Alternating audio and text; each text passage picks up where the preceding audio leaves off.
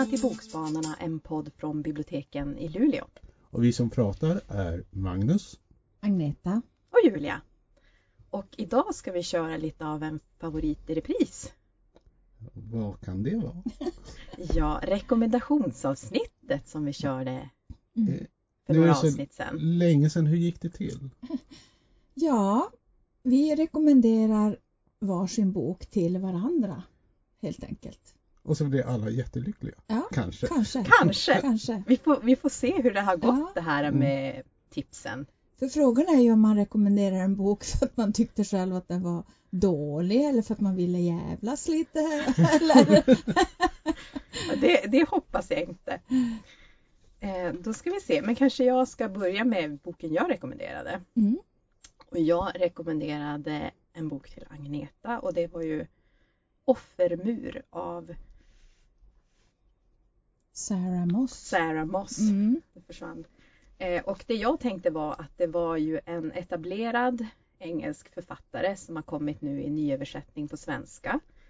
Jag tyckte att det var förhoppningsvis någonting nytt som du inte hade läst förut av.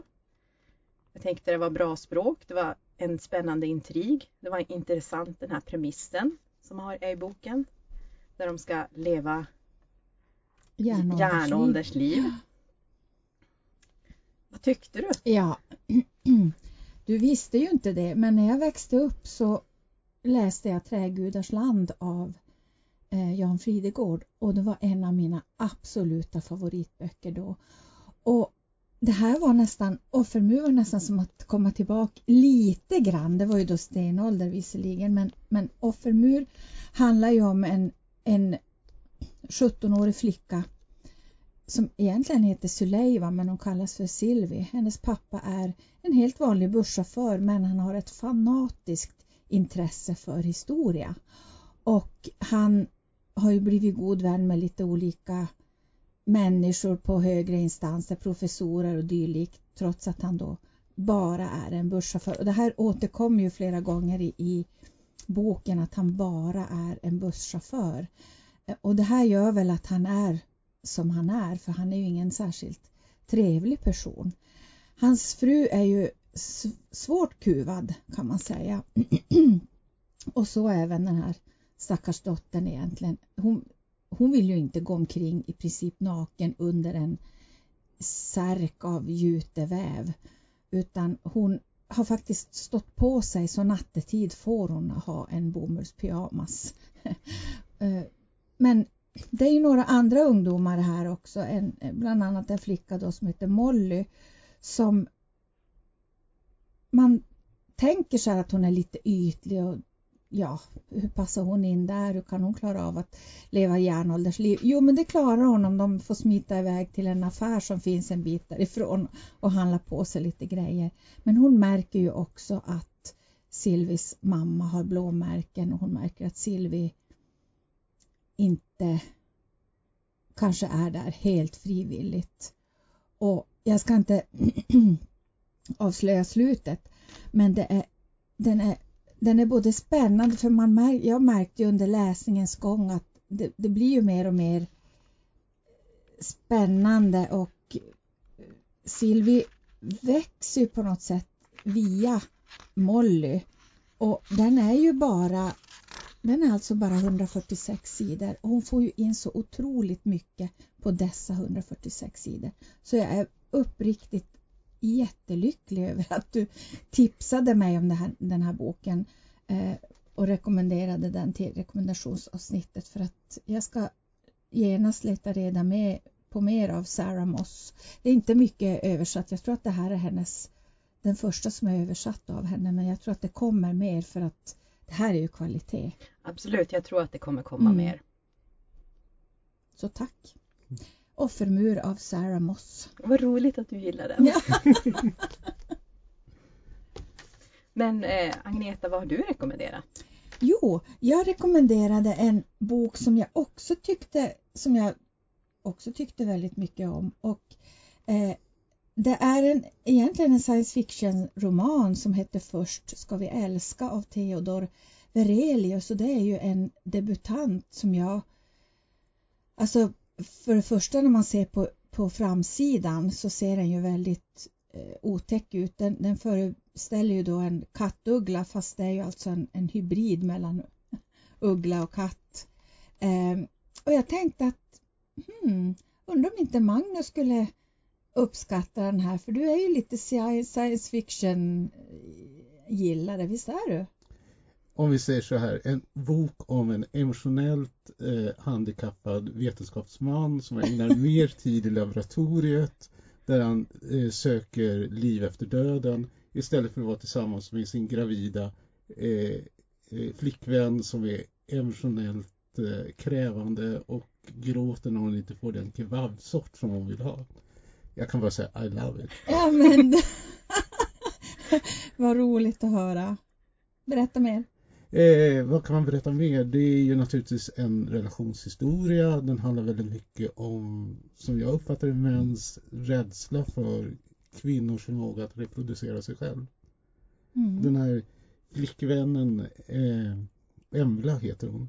Ja. Hon börjar som någon slags eterisk eh, sagovarelse som då flyttar till Malmö från Stockholm för att leva med Theo.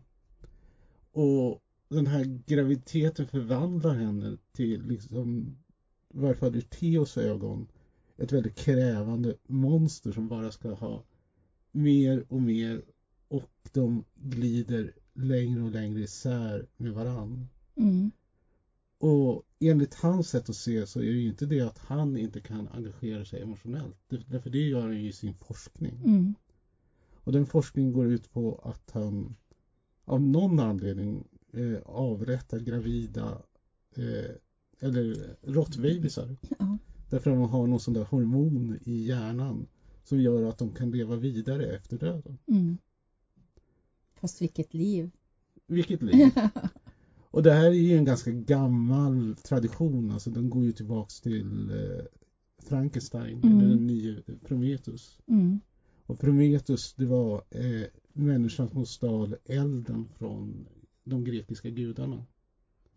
Alltså, frågan är, är teknisk innovation, vetenskaplig utveckling så nyttigt för oss? Och sen kan man ju undra då vad Theo har i vinstförrådet som han försöker förtvivlat mm. hindra Elma från att gå in i. Mm. Precis. Och sen som en liten rolig detalj, det är ju att eh, författaren heter ju Theodor Virelius mm. och det heter huvudpersonen i Mm. boken också. Så antingen så är den sann eller så är den pseudonym. Och det är nästan så jag med viss fasa hoppas på det första. Ja, så viss fasa. Jag skulle vilja hoppas att det var en pseudonym. Jo, jag hoppas nog på en viss fas att den är sann. Men det har kommit flera romaner där författaren har samma namn som huvudpersonen. Mm. Absolut, det verkar vara en lite av en trend. Ja. Så det enda jag kan göra det är att ge den fem eh, avrättade råttkadaver av fem möjliga och en förhoppning att de ska komma tillbaka i en uppföljare så att jag kan dela ut dem igen. Okej. Okay. Ja, men vad roligt. Jag, jag mm. kände på mig att den här kommer att ge, för jag, jag är förvånad över mig själv att jag gillar den så mycket för att är det någonting, mitt stora hatobjekt är ju råttor, möss, hamstrar, marsvin, nästan ekorrar om det inte vore för den yviga svansen. Så att de här avsnitten där, där eh, i labbet där han håller på för mycket med råttorna, där ska jag erkänna att jag skummade lite grann. Jag kan förstå det, det gör jag också. Men mest därför jag tycker synd om råttorna. Ja, nej det gör inte jag. Mm. Hugg dem i bitar bara. Eh, ja, där får man en övergång så det är inte så lätt att fortsätta.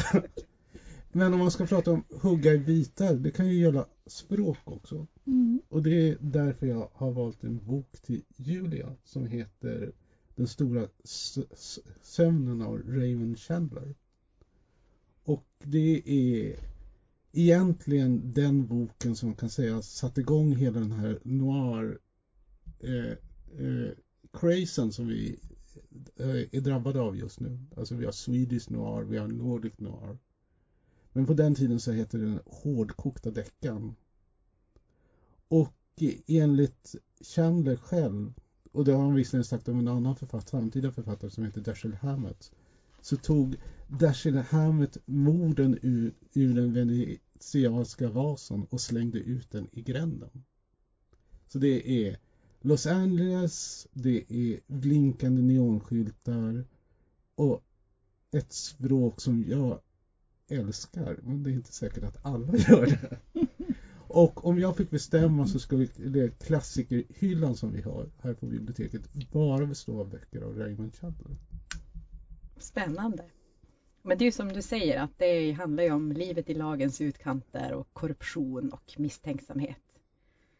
Eh, och den här boken handlar ju om privatdetektiv eh, Philip Marlowe och den utspelar sig i Los Angeles och han är ju riktigt arketypen för en privatdetektiv.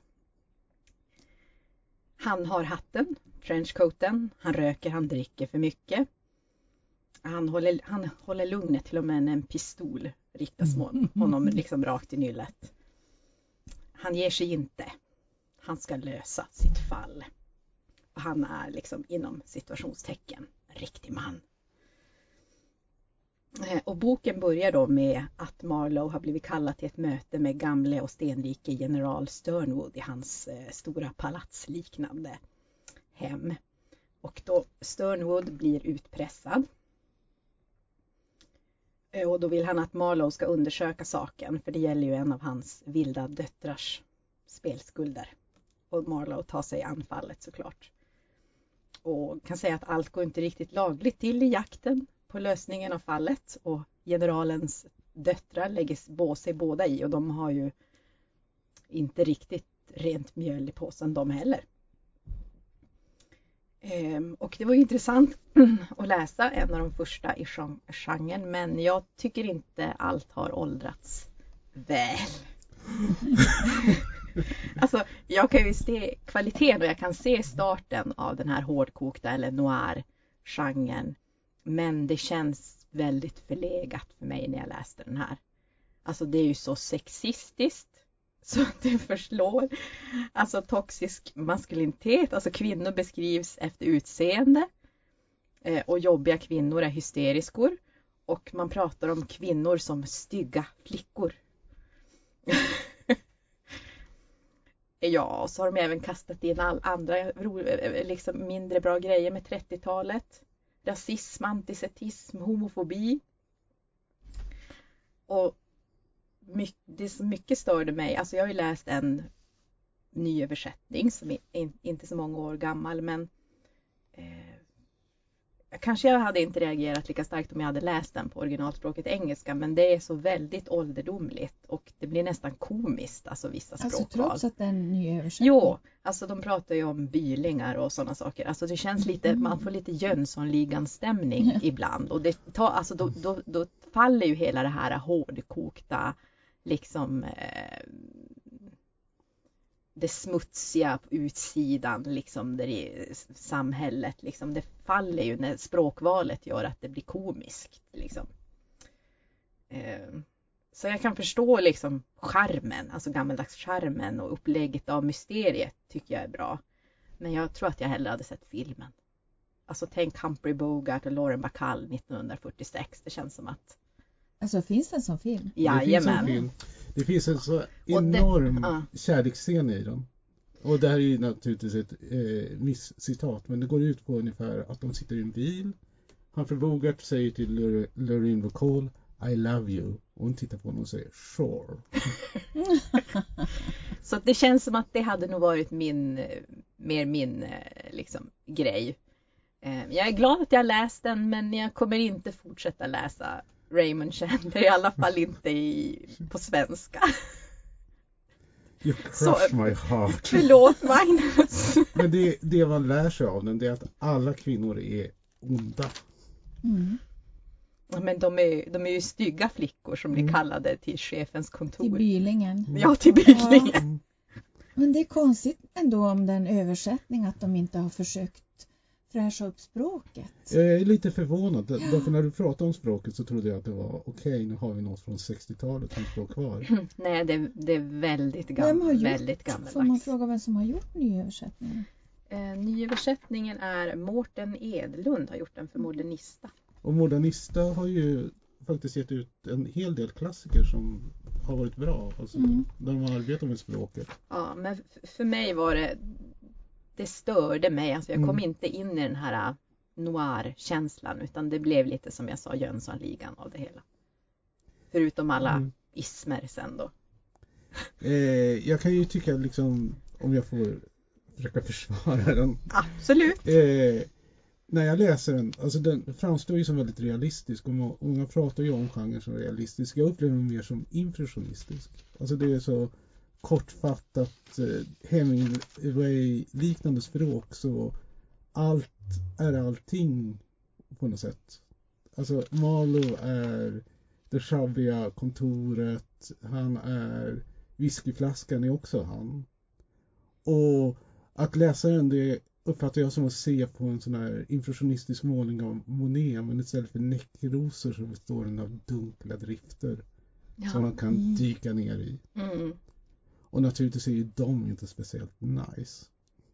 Nej, nej men det, jag tror att, jag vet inte om det var språket med, Mm. först som störde ut mig och då, då reagerar man ju på alla andra saker också. För absolut, när något är skrivet på 30-talet då får man ju ta det med, eh, liksom, då får man ju se liksom, lite grann hur, hur synsätten på olika saker var på Mm. 30-talen och det får man ju liksom ha förståelse för när det skrevs men, men, men det störde, störde så mycket så jag kom som inte all, alltså jag var som inte inne i berättelsen som jag brukar vara när jag läser utan här var det mer att jag bara, nej men gud, vad står det? Så det låter som att du ger en, en tom whiskyflaska och en trasig neonskylt. Kanske. Ja, kanske. Två av fem. Två av fem. Okej. Men ehm, ja, ska vi se, då eh, tips, eller tips, jag vet inte om jag ska tipsa om den men jag pratade om Raymond Chandler, Den stora sömnen. Och jag pratade om Theodor Virelius. Först ska vi älska. Ja, och jag pratade om Offermur av Sarah Moss fast egentligen pratar jag väl inte så mycket om boken mer än om min kanske min läsupplevelse. Men, Men- det är ju den som är mm. unik. Ja, det är ju det. Jag tycker att man ska läsa den. Absolut. Men tack för denna gång. Vi får se om vi vågar göra om det här någon gång. Ja, ja det tycker jag absolut. Jag tyckte det var, jag tycker det är väldigt intressant Mm. att läsa böcker som jag inte... Jag tror att jag hade läst den här men jag hade kanske inte hittat den. Mm. Mm. Yes. Tack för den här gången. Mm. Hej då!